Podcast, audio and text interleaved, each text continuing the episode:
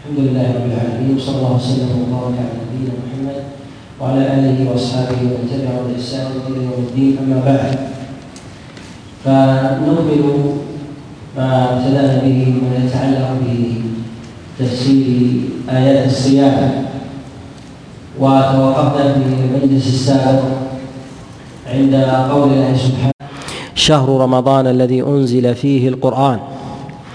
هدى للناس وبينات من الهدى والفرقان. ذكر الله سبحانه وتعالى أمر الصيام وفرضه وذكر الله عز وجل عدد أيامه بالإجمال وأنها محصاة في قوله جل وعلا أياما معدودات. ثم ذكر الله سبحانه وتعالى حصر هذه الأيام وذكر ضبطها وحدها في مبتداها ومنتهاها في قوله جل وعلا شهر رمضان الذي أنزل فيه القرآن. وهذه الآية في قوله شهر رمضان هذا خبر والمبتدأ في ذلك محذوف وتقديره هي شهر رمضان. يعني الأيام المعدودات هي شهر رمضان الذي فرضه الله سبحانه وتعالى وكتبه على هذه الأمة. وفي هذا التحديد هنا قصد في تحريم الزيادة والنقصان على شهر رمضان. ولهذا نجد أن الله سبحانه وتعالى حرم الزيادة على رمضان في مبتداه. فقال النبي صلى الله عليه وسلم كما جاء في حديث أبي هريرة لا تقدموا صيام رمضان بيوم أو يومين. وحرم النبي صلى الله عليه وسلم الزيادة عليه في منتهاه في قوله نهى رسول الله صلى الله عليه وسلم عن صوم يوم الفطر ويوم يوم ويوم الأضحى كما جاء في حديث أبي سعيد الخدري وغيره. وهذا ضبط لهذا الشهر وتحريم للزيادة والنقصان عليه في المبتدأ والمنتهى. وهذا دليل على أن العبادة يجب أن تحصر. وأن الزيادة فيها ابتداع وإحداث. ولهذا جعل الله سبحانه وتعالى الأمارة على دخول الشهر الهلال والأمارة على انصرامه الهلال. فقال شهر رمضان والمراد بالشهر والشهر القمري بالاتفاق وأن الضبط في ذلك على الرؤية لا على الحساب. كما قال النبي صلى الله عليه وسلم صوموا لرؤيته وأفطروا لرؤيته. والنبي صلى الله عليه وسلم قيد الأمر بالرؤية توسعة للأمة توسعة للأمة وتيسيرا وتيسيرا عليها. فإن تعليق الأمر بغير الرؤية تعليق بمشقة وذلك أن الرؤية ميسورة لكل لكل أحد. في الغالب. وذلك وذلك ضبطا للتشريع فكان ذلك في الصلاة فهو في الصيام من باب فهو في الصيام من باب من باب أولى. وهنا في قول الله سبحانه وتعالى شهر رمضان إشارة إلى أن من صام الفريضة في غير هذا الشهر فقد أدى العبادة في غير زمانها كمن صلى الفجر في غير وقتها أو صلى الظهر في غير وقتها فمن تعمد فعل ذلك ما يتقبل الله عز وجل منه. والعادة الشرعية أن الأحكام تضبط خاصة الواجبة وكلما كان الحكم الشرعي وكلما كان الحكم الشرعي أوجب فإنه في الشريعة أضبط فيضبط في صفته ويضبط في زمانه ويضبط في مبتداه ومنتهاه. ولهذا ضبط الله عز وجل أمر الصلاة حتى لا يدخل فيها غيرها كما في الحديث تحريمها التكبير وتحليلها التسليم. يعني أن ما كان قبل قبل التكبير ليس من الصلاة وما كان بعد التسليم ليس ليس من الصلاة. فضبطت بتكبير وضبطت وضبطت بالتسليم وما بينهما صلاة. كذلك أيضا في صيام رمضان ضبط أنه بشهر رمضان وضبط الشهر برؤية الهلال. فما كان قبل ذلك ليس من رمضان وما كان بعده ليس من رمضان. وأكد ذلك بتحريم الصيام قبله وبتحريم الصيام بعده حتى لا يبتدع الناس صياما أو ربما يدفعهم ذلك الورع أو زيادة العبادة والتدين وطمع الأجر فيكثرون من العبادة قبل ذلك. وهذا وهذا ابتداع ولهذا نهى النبي صلى الله عليه وسلم عن الصيام قبله على صورتين. نهى عن صيام يوم الشك وهذه الصورة الأولى وصيام يوم الشك هو يوم الثلاثين هو يوم الثلاثين. على خلاف في المذاهب في تعيينه فجمهور العلماء على أن يوم الثلاثين هو يوم الشك سواء كان صحوا أو كان غيما. سواء كان صحوا أو كان غيما ما لم يرى الهلال. فإذا رؤي الهلال فإنه من رمضان. فإنه فإنه من رمضان. وذهب الإمام أحمد رحمه الله إلى أن يوم الشك يكون يوم الثلاثين إذا كان إذا كانت السماء صحوا إذا كانت السماء صحوا وأما إذا كانت السماء غيما فيوم الثلاثين ليس بيوم شك. فشرع صيامه على قول جماعة من الصحابة. فروي عن عمر بن الخطاب وعن عائشة وعن معاوية وعن أبي هريرة وعن أبي موسى وعن أسماء صيام يوم صيام يوم الغيب. وذهب إلى هذا الإمام أحمد رحمه الله وله في ذلك روايات ثلاث صحيحة وأصح وضعيفة. أما الصحيحة قال بجواز الصيام والأصح عنه أنه قال باستحبابه والضعيفة أنه قال بوجوبه والضعيفة أنه قال قال بوجوبه. والصواب في ذلك أن صيام يوم الغيم وهو يوم الثلاثين إذا حال دون رؤيته غيم أو قتر فإن صيامه مستحب. وهذا روي عن جماعة من الصحابة عليهم رضوان الله. وقد صنف بعض الأئمة مصنفا في ذلك كابن الجوزي رحمه الله صنف رسالة سماها سماها كشف اللوم والضيم في حكم صوم يوم الغيب. ونقل في ذلك أقوال الصحابة وأقوال وأقوال الأئمة والروايات المروية في ذلك عن الإمام أحمد رحمه الله في حكم صوم صوم يوم يوم الغيب. وهذه المسألة من المسائل التي التي انفرد فيها مذهب الإمام أحمد عن بقية عن بقية المذاهب. وهنا في ذكر الشهر في قوله جل وعلا شهر رمضان. شهر رمضان. هذا يخرج الفرض في غيره. يعني أن الله سبحانه وتعالى لم يوجب صياما غيره. ولهذا قال الله جل وعلا كتب عليكم الصيام ثم بين الصيام أياما معدودات ثم بين الصيام الواجب شهر رمضان الذي أنزل فيه القرآن. واستدل غير واحد من العلماء على أنه لا يجب على أحد من الناس صيام صيام غير رمضان.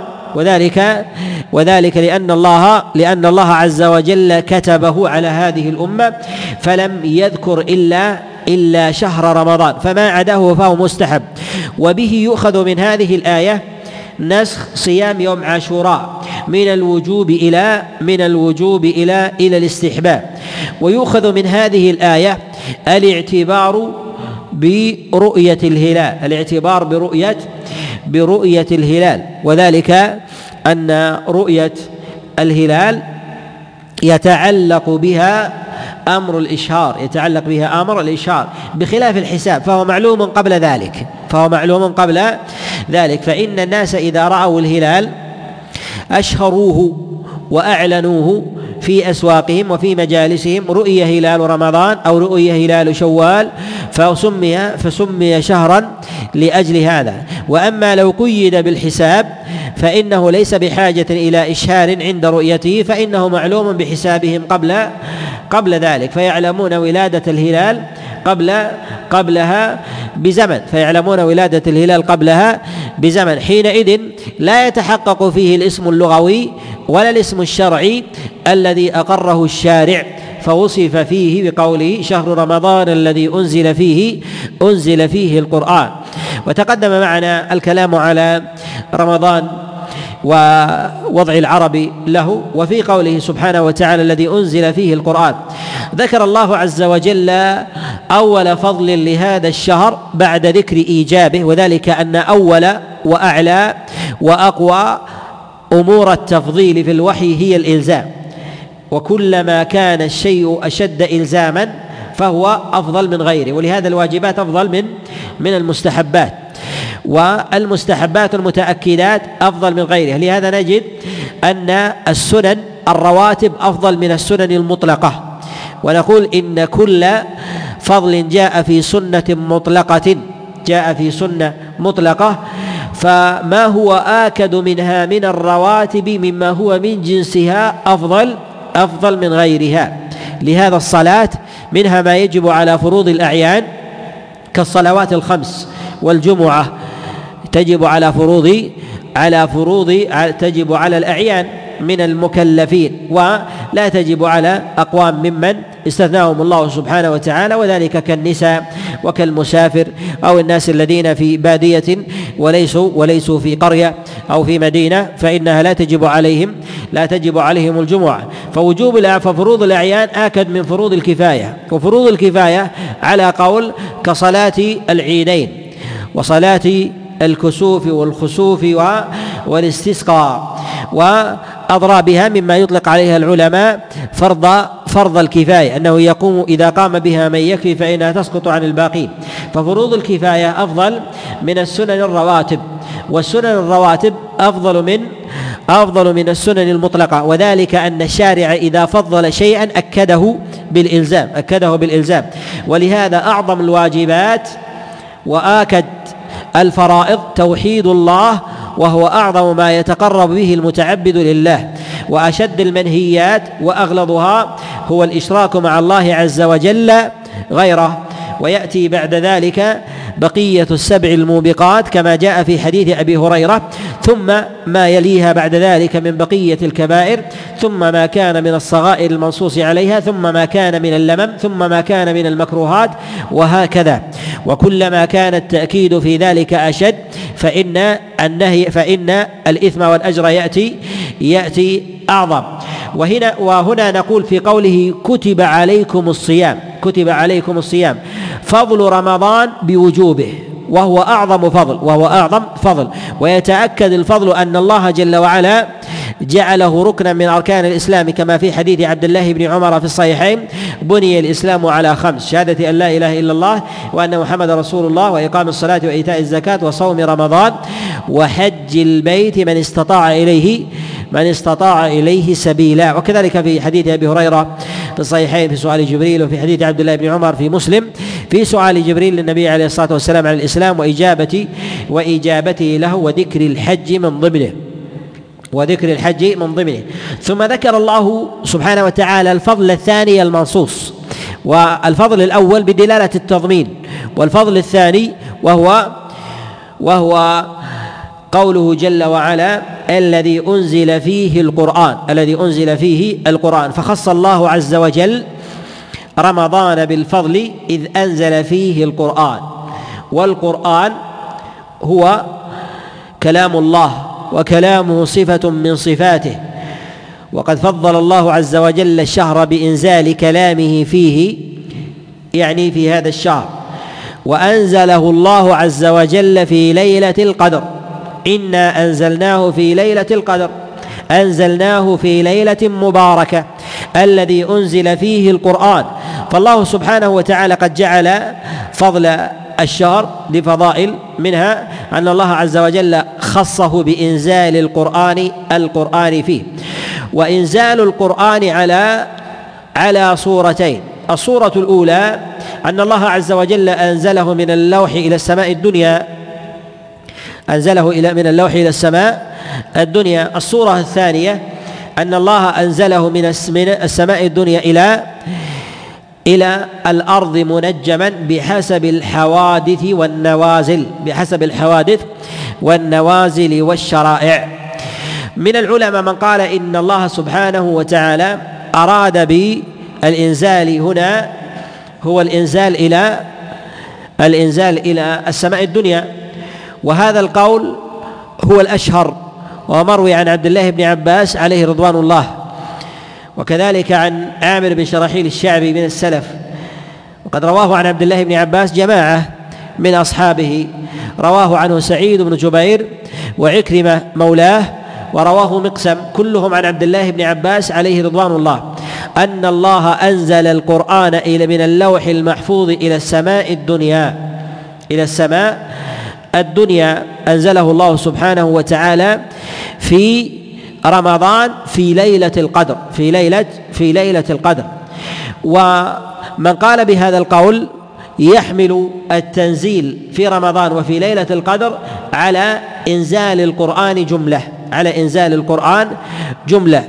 ومنهم من يقول إن المراد بالإنزال في رمضان هو الإنزال المنجم فأول ما نزل على رسول الله صلى الله عليه وسلم كان في رمضان في ليلة القدر إذ أنزل الله عليه جل وعلا قوله اقرأ باسم ربك الذي خلق. فأنزل الله سبحانه وتعالى على رسوله سورة العلق عليه عليه الصلاة والسلام.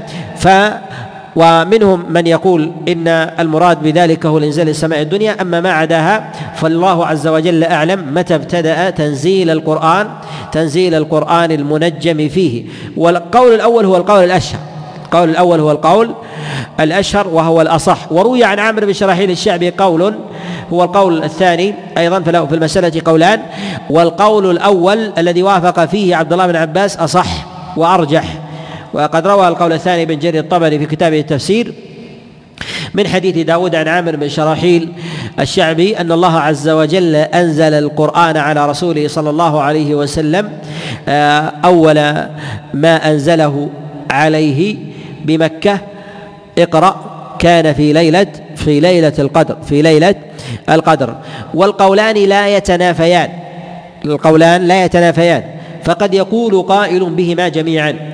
فمن قال بأن الله سبحانه وتعالى أنزله إلى السماء الدنيا من اللوح المحفوظ ثم أنزله منجما على رسوله صلى الله عليه وسلم. لا يلزم أنه أنزل في وقت واحد لا يلزم أن يكون في وقت واحد. الله سبحانه وتعالى أنزله إلى السماء الدنيا وأنزله على رسوله صلى الله عليه وسلم في مثل تلك الليلة التي أنزل أنزل فيها. فلا تعارض بينهما.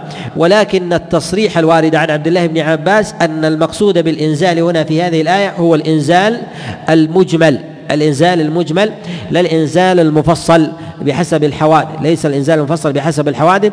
وظاهر كلامه أن أن الله سبحانه وتعالى أراد أن الله جل وعلا أراد في هذا الإنزال المجمل ولا الإنزال المفصل. يعني ربما نزلت سورة اقرأ على رسول الله في غير رمضان.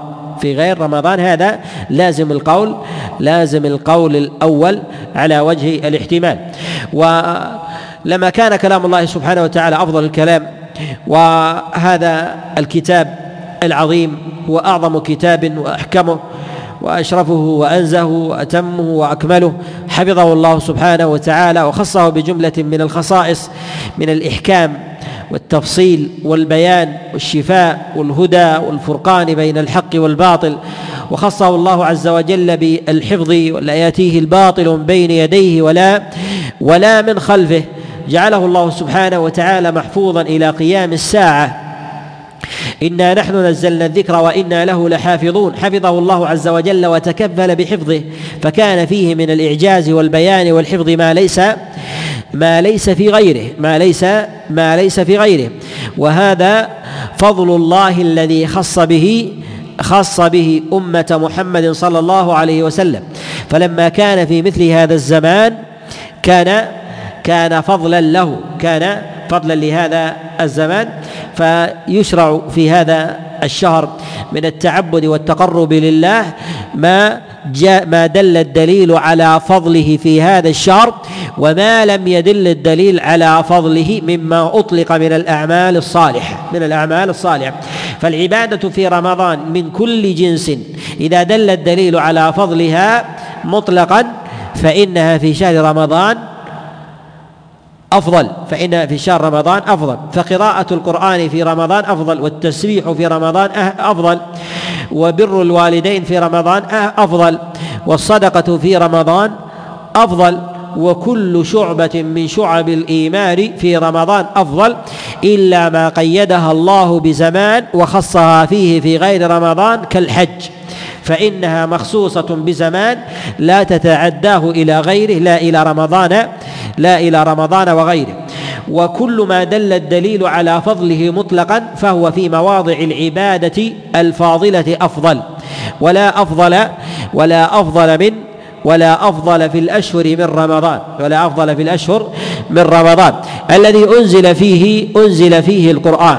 القرآن هو كلام الله سبحانه وتعالى وقيل إن القرآن مشتق واختلف في هذا منهم ما قال إنه مشتق ومنهم من قال إنه علم على كلام الله وهو جامد ليس بمشتق جامد ليس ليس بمشتق. ومن قال إنه مشتق اختلفوا في قولهم هذا. منهم من قال إنه مشتق من قرأ يقرأ قرآنا ومنهم من قال إنه مشتق من قرن لا من قرأ. وقرن يعني قرن الصور بعضها مع بعض وقرن أحكامه بعضها مع بعض.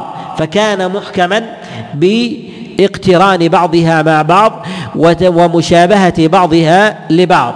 وهذا يشبه ما جاء في السنة وكذلك أيضا في لسان العرب ما بتسمية جمع التمرتين وأكلهما مع بعضهما بالإقران. الإقران. فإذا قرن الإنسان تمرتين وأكلهما تقول العرب تقول العرب أقرن التمرتين أقرن التمرتين.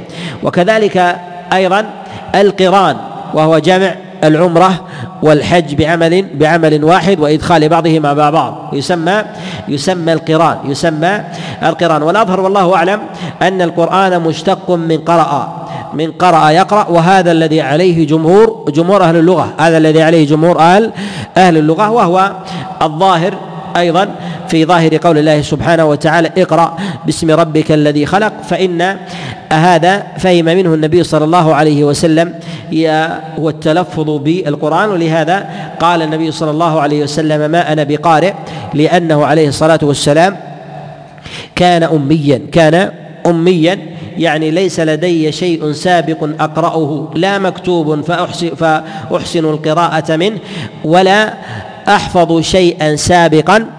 يراد مني أن أتلوه. ولهذا الله سبحانه وتعالى بين منته على نبيه صلى الله عليه وسلم في قوله جل وعلا في سورة الضحى ووجدك ضالا فهدى. الضال في لغة العرب ليس هو المنحرف الزائغ وإنما الذي لا يدري العلم من الجهل ولا يدري الحق من الباطل فدل عليه. ولهذا تسمى الضالة ضالة لأنها تائهة غير معروف مكانها كذلك أيضا بالنسبة للحق. لا يعرف الإنسان مكانه حتى يهدى يهدى, يهدى إليه. كذلك الحق يعتبر يعتبر مفقود يعتبر مفقود حتى هدى الله الناس إليه حتى هدى الله عز وجل الناس إليه بوحيه وفاقده يسمى ضال والمفقود تسمى ضالة يسمى ضالة وهكذا. في قوله جل وعلا الذي أنزل فيه القرآن هدى للناس وبينات من الهدى والفرقان. الله سبحانه وتعالى ذكر ذكر صفة من صفات كلامه جل وعلا قال هدى للناس. وهذا أول مقاصد القرآن أن الله عز وجل أراد به الهداية. أراد به هداية الناس ودلالته. دلالته. ولهذا نقول إن من مقاصد أن للقرآن مقاصد. منها الهداية ومنها انشراح الصدور. ومنها الشفاء من الأمراض سواء الحسية والمعنوية وغير ذلك من معاني ومنافع القرآن الذي جعلها الله عز وجل فيه. أعظم مقاصد القرآن هو هداية الناس هداية الناس إلى طريق الحق وتمييز الحق من الباطل والشر من الخير وتمييز الخطأ من الصواب. فإذا عرف الإنسان الخير والحق والصواب اتبعه وحذر ما كان ما كان من غيره كان من الباطل أو الشر أو الخطأ فيجتنب ما أمر الله عز وجل باجتنابه. وكأن الله سبحانه وتعالى يأمر عباده بأن يلتمسوا الهداية من كتابه لا من غيره من أقيسة الرجال وآرائهم وأفهامهم وما يتخرصونه من غيرهم من أمور من أمور الاقتراع أو تعلق بالصدف أو غير ذلك مما يتعلق به الناس من التنجيم أو الميسر أو غير ذلك مما يقع فيه مما يقع فيه الناس من القرعة كما يفعل أهل الجاهلية إذا أرادوا أن يعرفوا أنهم على حق أو باطل أنهم على حق أو باطل رموا القداح رموا القداح أو تطيروا أو غير ذلك. لهذا أرشد الله عز وجل إلى التماس الهدى من كتاب هدى للناس وبينات من الهدى والفرقان. يعني أن الله عز وجل هدى الناس به وجعل كتابه سبحانه وتعالى بينات يعني واضحات وحجج ظاهرات فاصلات فارقات بين الحق والباطل تجلي للإنسان طريقة فلا يلتبس عليه بغيره فلا يلتبس عليه عليه بغيره. ويظهر في سياق هذه الآيات الامتنان فإن الله سبحانه وتعالى لما ذكر رمضان ما أكثر من وصفه ما أكثر من وصفه ولما ذكر القرآن أكثر من وصفه. فقال الله سبحانه وتعالى شهر رمضان الذي أنزل فيه القرآن. لما ذكر القرآن قال هدى للناس وبينات من الهدى والفرقان. إشارة إلى فضل هذا الكتاب العظيم الذي بسببه فضل هذا هذا الشهر وفضلت هذه هذه الليلة. والقرآن كلام الله سبحانه وتعالى منه آه منه بدأ وإليه يعود. أنزله الله عز وجل بواسطة جبريل على رسوله صلى الله عليه وسلم. حفظه الله لا يأتيه الباطل بين يديه ولا من خلفه. تكلم الله به على تكلم الله به على على الحقيقة. وهو مسموع بالآذان متلو بالألسن محفوظ بالصدور. فالله عز وجل أمر أمر بحفظه وأرشد إليه رسوله صلى الله عليه وسلم. فما في صدورنا من كلام الله هو القرآن. لا يقال ان ولا يقال إنه مخلوق فالله عز وجل يقول في كتابه العظيم بل هو آيات بينات في صدور الذين اوتوا أوتوا العلم وهو مسموع أيضا بالآذان ولو تكلم ولو تكلم أحد بفيه فهو كلام الله. ولهذا يقول الله جل وعلا في كتابه العظيم وإن أحد من المشركين استجارك فأجره حتى يسمع كلام الله. يسمع كلام الله يعني منك لا من جبريل. ومعلوم ومسلم أن الذي يسمع الناس هو رسول الله صلى الله عليه وسلم فسماه كلام كلام الله مع أن مع أن المتكلم بلسانه هو رسول الله صلى الله عليه وسلم. ويقال بمن تكلم بالقرآن إن الكلام كلام الله والصوت صوت صوت صوت عبد الله يقال الكلام كلام الله والصوت صوت عبد الله فالناس يتباينون في أصواتهم. فهذا صوته ندي وهذا صوته غير ندي وهذا صوته خشن وهذا صوته رفيع وهذا صوته ضعيف وهذا صوته جهوري وغير ذلك. فهذه أصوات ونبرات. وأما بالنسبة للكلام فكلام الله سبحانه وتعالى واحد وإن كتب وإن كتب في الألواح فالكلام كلام الله والأوراق والأحبار مخلوقة والكلام كلامه سبحانه وتعالى كان مكتوبا أو كان محفوظا أو كان مسموعا. قال هدى للناس وبينات من الهدى من الهدى والفرقان. ذكر هنا الفرقان يعني فيصلا بين الحق والباطل يهدي الله عز وجل به يهدي الله عز وجل به من أراد الهداية وأراد النجاة والسلامة من من طرق الغواية. ثم ذكر الله سبحانه وتعالى بعد ذلك ما يتعلق بأحكام الصيام.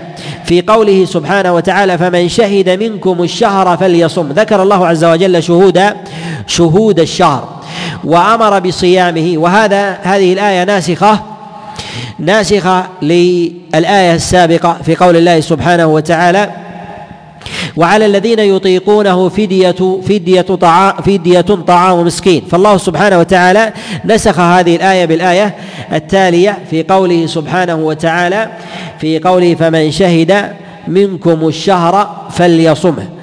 شهد منكم الشهر فليصمه فأمر بصيامه سبحانه وتعالى يعني كأنه في السابق كان على الاختيار وبعد ذلك كان على الإلزام على الإلزام والإيجاب على الإلزام والإيجاب.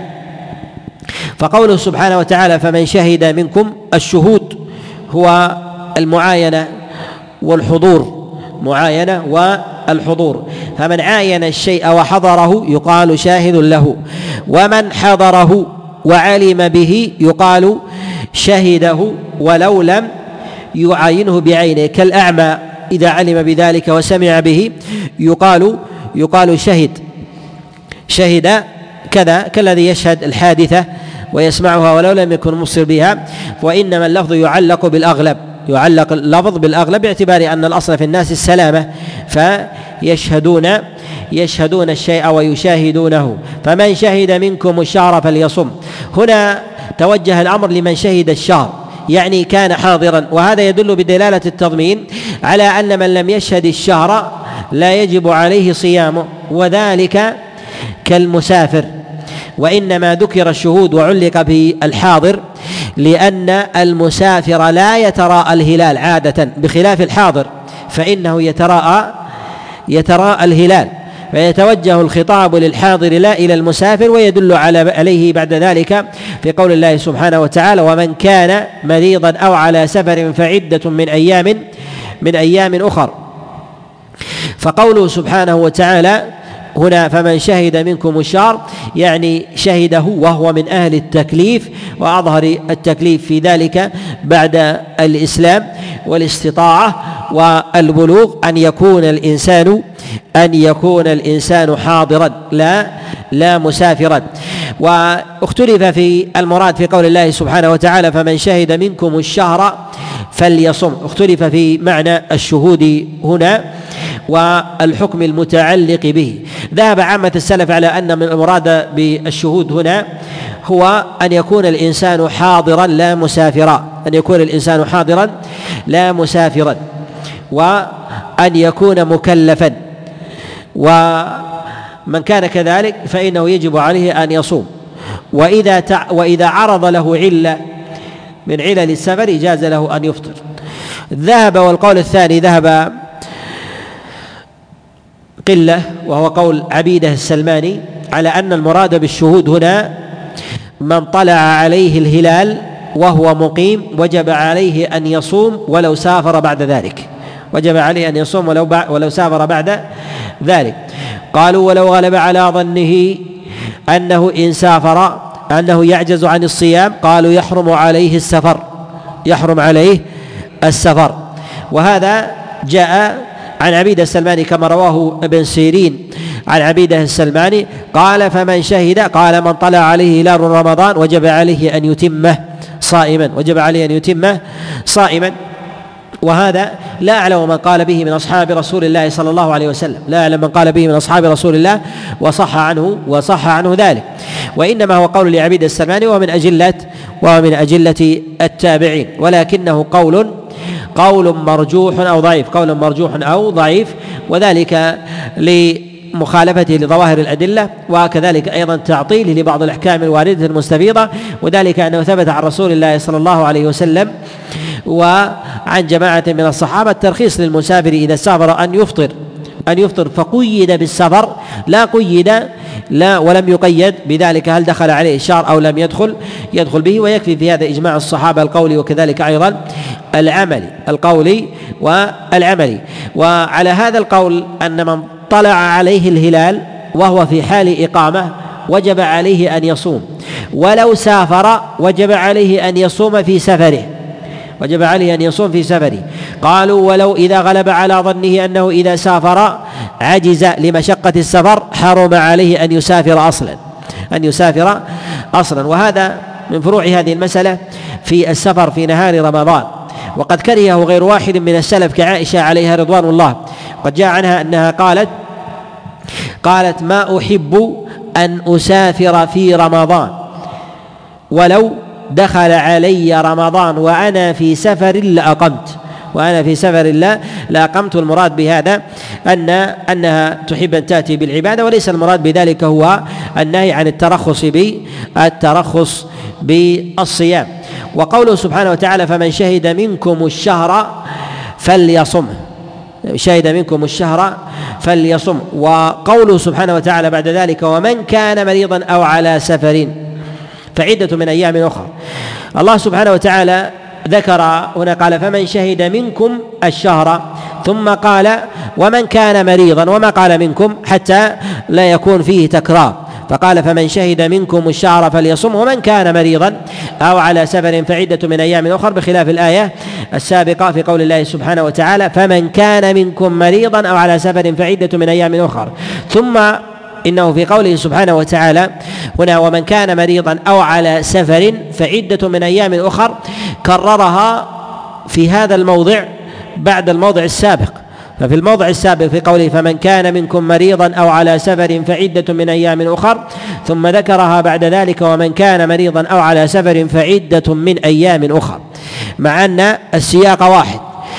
أعاد ذلك حتى لا يسبق إلى الذهن أن الله نسخ الحكم السابق. يعني أن الآية السابقة في حكم المريض والمسافر لم تنسخ.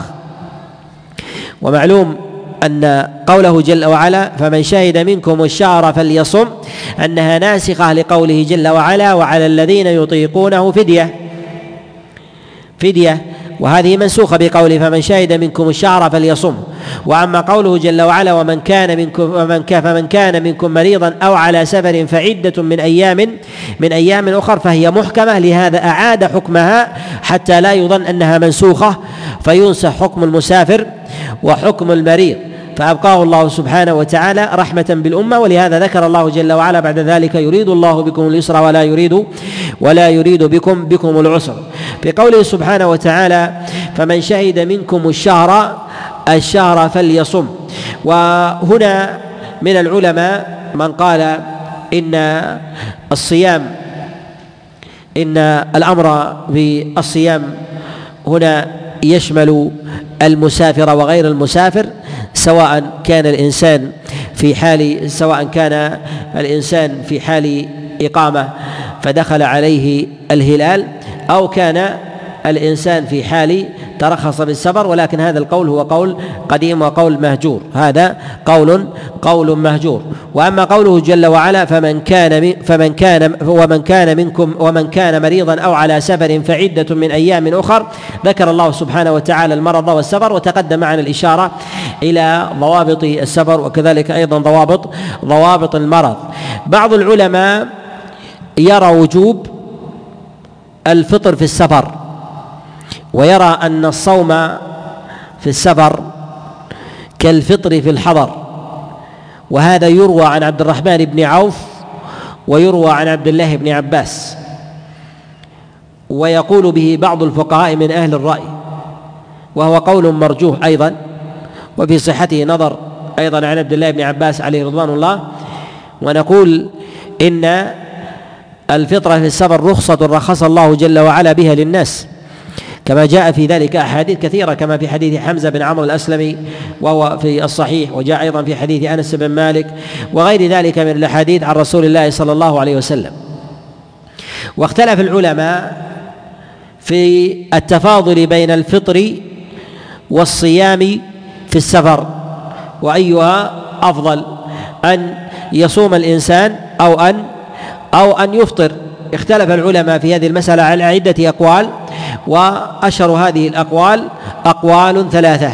القول الأول قالوا بأن الأفضل في ذلك الصيام. الأفضل في هذا في هذا الصيام أن يصوم الإنسان ما لم يكن في ذلك ضرر عليه. وهذا القول ذهب إليه الإمام مالك رحمه الله والشافعي وكذلك قول أبي حنيفة. والقول الثاني قالوا إن الفطر هو الأفضل. إن الفطر هو الأفضل. وهذا رواية عن الإمام أحمد رحمه الله. ويأخذون بما جاء عن رسول الله صلى الله عليه وسلم. إن الله يحب أن تؤتى رخصه كما يكره أن تؤتى معصيته. والقول الثالث وهو رواية عن الإمام أحمد. وكذلك قال به بعض السلف كعمر بن عبد العزيز وغيره أن الأمر يختلف بحسب حال الإنسان. إذا كان الصوم يشق عليه فالفطر أفضل. وإذا كان الصوم لا يشق عليه فالصيام أفضل. وهذا التباين الذي ظهر في حال أصحاب رسول الله صلى الله عليه وسلم أنهم كانوا يكونون مع رسول الله صلى الله عليه وسلم ومنهم الصائم ومنهم المفطر فلا يعيب الصائم على المفطر ولا المفطر على على الصائم. وذلك لتباين حالهم. وهذا القول هو القول الأرجح. وهذا القول الأرجح. أن الإنسان إذا كان في حال راحة ودعه فإنه الصيام في حقه أفضل ويجوز له أن يفطر. وإذا كان على مشقة فالفطر في حقه فالفطر في حقه أفضل والصيام منه صحيح وجائز ما لم يكن في ذلك ضرر على بدنه وهلاك نفسه فإنه يأثم بفعل ذلك وذلك أنه ألقى بنفسه إلى التالكة وكما تقدم معنا في حديث في حديث أبي في حديث أبي هريرة الموقوف في قوله لو مات ما صليت عليه يعني في الرجل الذي صام وهو مسافر ويتتبع الظل من العطش يتبع الظل من يتتبع الظل من العطش وهذا هو الذي يظهر والله أعلم من الراجح من أقوال العلماء وبه تجتمع الأدلة و تأتلف به تجتمع وتأتلف فلا يعطل فلا يعطل دليل فلا يعطل دليل. وذلك أن بعض الناس في سفره أكثر راحة ربما من بعض المقيمين أو من كثير من المقيمين وذلك لسهولة مركبه ودار إقامته ونحو ذلك. فلا يجد في ذلك مشقة فلا يجد في هذا مشقة. فيقال حينئذ إن الأفضل في حقه الصيام ويجوز منه الفطر ويجوز منه الفطر. وكذلك أيضا في عكسه في حال الإنسان إذا كان يجد في هذا مشقة ولكنه يستطيع الصيام. يستطيع الصيام فالمشقة قد تشترك في حال المسافر وحال المقيم. قد يجد المقيم مشقة ويجد المسافر مشقة تتساويان تتساويان. فنقول في مثل هذا الأفضل له أن يفطر إذا وجد مشقة و ولو صام صيامه في ذلك في ذلك صحيح. وأما ما يروى عن بعض السلف إن الصيام في السفر كالفطر في الحضر فإنه قول ضعيف وكذلك أيضا آه، قول آه، مهجور. ومن أقوال السلف المهجورة. من اقوال السلف المهجورة بل يقال إن الرخصة في ذلك في ذلك باقية. فيفعل الإنسان ما يجعل الله سبحانه وتعالى له بحسب قدرته وحاله. وقول الله سبحانه وتعالى ومن كان مريضا أو على سفر فعدة من أيام أخر. لما ذكر الله سبحانه وتعالى هذه الأحكام وبين أمرها أراد الله عز وجل أن يبين العلة من ذلك التشريع من ذلك التشريع. والحكمة من تلك الإرادة وهو أن الله جل وعلا أراد بالأمة التيسير. أراد بالأمة التيسير وما أراد بها المشقة. يريد الله بكم اليسر ولا يريد بكم ولا يريد بكم العسر. فالله سبحانه وتعالى بين أن هذه الأحكام إنما شرع الله عز وجل للأمة رحمة بها وشفقة عليها. والإرادة هنا هي إرادة إرادة شرعية والإرادة على نوعين إرادة كونية وإرادة شرعية. والإرادة الكونية هي تقدير الله سبحانه وتعالى لأفعال العباد وأفعال المخلوقات من تسيير الكواكب والأجرام والرياح والسحاب.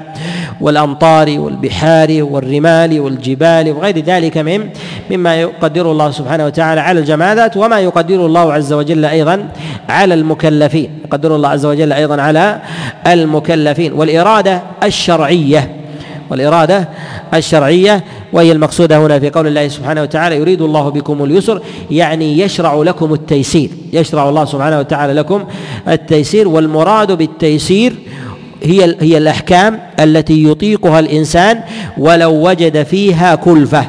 ولو وجد فيها كلفة. إذا الشرائع فيها كلفة وفيها مشقة ولكن المشقة يستطيعها الإنسان والكلفة يستطيعها الإنسان. ولهذا الله عز وجل يقول لا يكلف الله نفسا إلا إلا وسعها.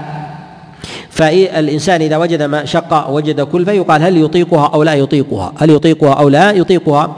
فإن الحج لا يحج الإنسان إلا بمشقة لا يحج الإنسان إلا إلا بمشقة وذلك مشقة الطريق وكذلك أيضا ما يجد الإنسان بتنقله وذهابه وربما أيضا بفقد زاده أو قلة متاعه من طعام وشراب وكذلك أيضا ما يعتريه في طريقه من قلق وخوف وطول طريق وغير ذلك أيضا من نفقة ماله فتلك أيضا مشقة. وكذلك أيضا كلفة. لهذا نقول إن المشقة موجودة والكلفة موجودة ولكنها على قدر طاقة الإنسان وإذا زادت عن طاقته وشقت عليه مشقة لا يستطيع تحملها فيقال حينئذ إن إن يرتفع في ذلك الحكم الحكم والأمر وذلك لظاهر قول لقوله فاتقوا الله ما استطعتم فاتقوا الله ما استطعتم ولقوله عليه الصلاة والسلام لا ضرر ولا ولا ضرار. يريد الله بكم اليسر ولا يريد بكم العسر. ثم بين الله سبحانه وتعالى الحكمة أيضا من هذه التشريعات ولتكملوا العدة يعني أن الله سبحانه وتعالى بعدما أراد بكم التيسير وأراد بكم آه وأراد بكم الرأفة والرحمة أراد منكم إكمال العدة. إكمال العدة يعني أن الله أراد بكم تيسيرا وأراد منكم إكمال عدة رمضان. ولتكملوا العدة وبهذا وهذا نأخذ آه، منه آه، نأخذ منه ما تقدم في الآيتين السابقتين. في قوله جل وعلا فعدة من أيام أخر فعدة من أيام أخر. فهذه الأيام الأخر هي الواجب على الإنسان أن يقضيها. فقوله جل وعلا ولتكملوا العدة يعني عدة رمضان. يعني عدة عدة رمضان. فمن أفطر يوما من رمضان يجب عليه أن يأتي بهذا اليوم في أي زمن من العام. ومن فاته يومان أو ثلاثة أو أربعة يجب عليه أن يأتي بهذا العدد لأن الله ذكر العدد. ذكر العدد وهو المطلوب من الإنسان أن يكمله. وإنما كان رمضان سردا لأن الله سبحانه وتعالى أوجبه على الإنسان من طلوع الهلال إلى إلى طلوع الهلال من طلوع هلال رمضان إلى طلوع هلال هلال شوال فوجب عليه فوجب عليه تام ولكن لو تخلل ذلك يعني الإنسان الفطر في نهار رمضان كان يفطر الإنسان مثلا في يوم الخامس عشر والرابع عشر والثالث عشر فأفطر الإنسان هذه الأيام. فهذا أفطرها بعذر ويتخللت التتابع لا تخل به لا تخل به. وهذه الأيام التي أفطرها يقضيها بعد ذلك يقضيها بعد ذلك. ومن يعلل من الفقهاء فيقول إن القضاء يحكي الأداء. فيجب التتابع لأن رمضان يجب صيامه سردا فالله أمر بقضاء ما فات من الإنسان سردا نقول هذا تعليل ضعيف ويدل على ضعفه أن الإنسان لو أفطر يوم الخامس ويوم سبعة عشر ويوم ثلاثة وعشرين كيف يأتي بها سردا؟ هل يقسمها؟ يعني يصوم يوم خمسة من شوال ويوم سبعة عشر ويوم ثلاثة وعشرين. لماذا؟ لأن هذه مواضعها من الشهر. ولو جمعها لجمع بين خمسة وثلاثة عشر وثلاثة وعشرين. ولهذا لو كان القضاء يحكي الأداء لفرقها في القضاء لفرقها في القضاء. ولكن نقول إن المراد بذلك العدد كما في قوله فعدة من أيام أخر ثم قال فعدة من أيام أخر ثم قال ولتكملوا العدة. يعني الواجب على الإنسان هو إكمال العدد إكمال العدد. ومنه يؤخذ أيضا أن من صام رمضان دون العدد يعني وذلك عند الخطأ برؤية الهلال. فتراءى الناس الهلال فشكوا فيه وقد ظهر ثم ثم لم يصوموا وكان الشهر وكان الشهر تسعا وعشرين. فتأخروا في بدايته يوما فصاموا ثمانية وعشرين.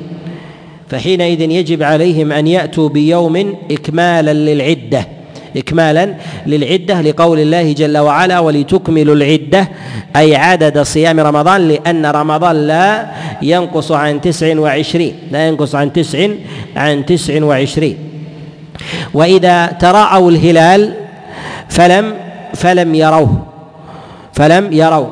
أو كان في زمن غيم فرأوا عدم صيام يوم الغيم ثم صاموا وكان الشهر تسعا وعشرين.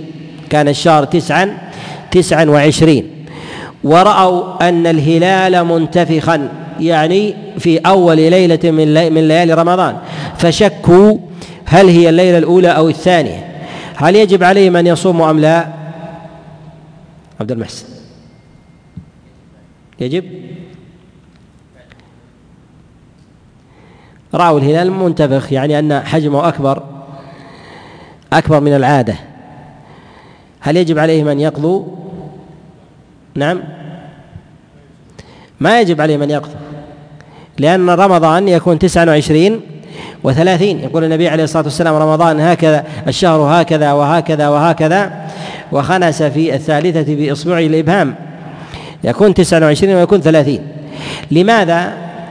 لأن صيام التسع والعشرين شهر بيقين. وانتفاخ الهلال دخول الشهر بالظن لليوم الثاني. وقد قال عمر بن الخطاب عليه رضوان الله تعالى إن الأهلة بعضها أكبر من بعض. لأن كبر الهلال في ذاته لا يعد دليلا على على تقدم على تأخر الهلال. أو عدم رؤيته بالأمس ربما يتعلق بمثلا بالجو مثل البرودة أو الضباب أو غير ذلك فيكون في هذا انتفاخ الهلال. تنتفخ الهلال وحينئذ يظن الناس أن أن الهلال لليلة الثانية وليس وليس كذلك. وفي قول الله جل وعلا ولتكملوا العدة ولتكبروا الله على ما هداكم. التكبير هنا في غروب الشمس لظاهر الآية على قول بعض العلماء. على قول بعض العلماء. وقول الله جل وعلا ولتكبروا الله على ما هداكم. التكبير هنا أن يقول الإنسان والله أكبر الله أكبر الله أكبر. وهذا قد اختلف العلماء في موضعه. فاختلفوا في موضعه على على أقوال ثلاثة. القول الأول قالوا إن التكبير يكون بغروب شمس آخر يوم من رمضان.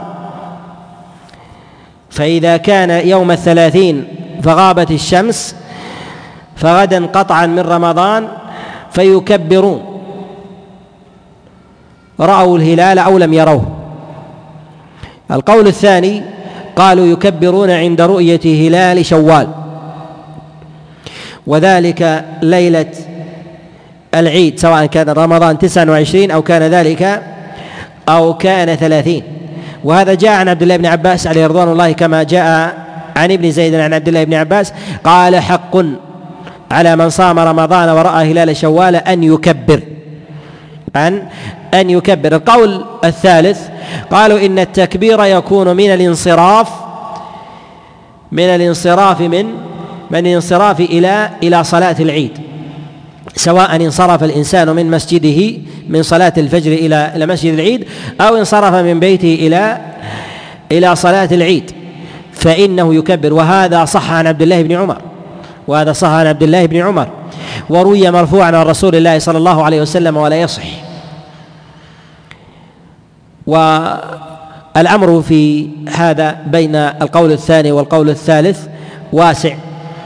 أما القول الأول فيظهر عدم رجحانه وليظهر أنه مرجوح إذ لا إذ أن الدليل قيد ذلك بإتمام العدة في قوله سبحانه وتعالى ولتكملوا العدة ولتكبروا الله على على ما هداكم. تكمل العدة ولتكبروا الله على على ما هداكم. فنقول إن مثل هذه الإطلاقات يفسرها العمل يفسرها في هذا العمل كعمل الصحابة عليهم رضوان الله تعالى.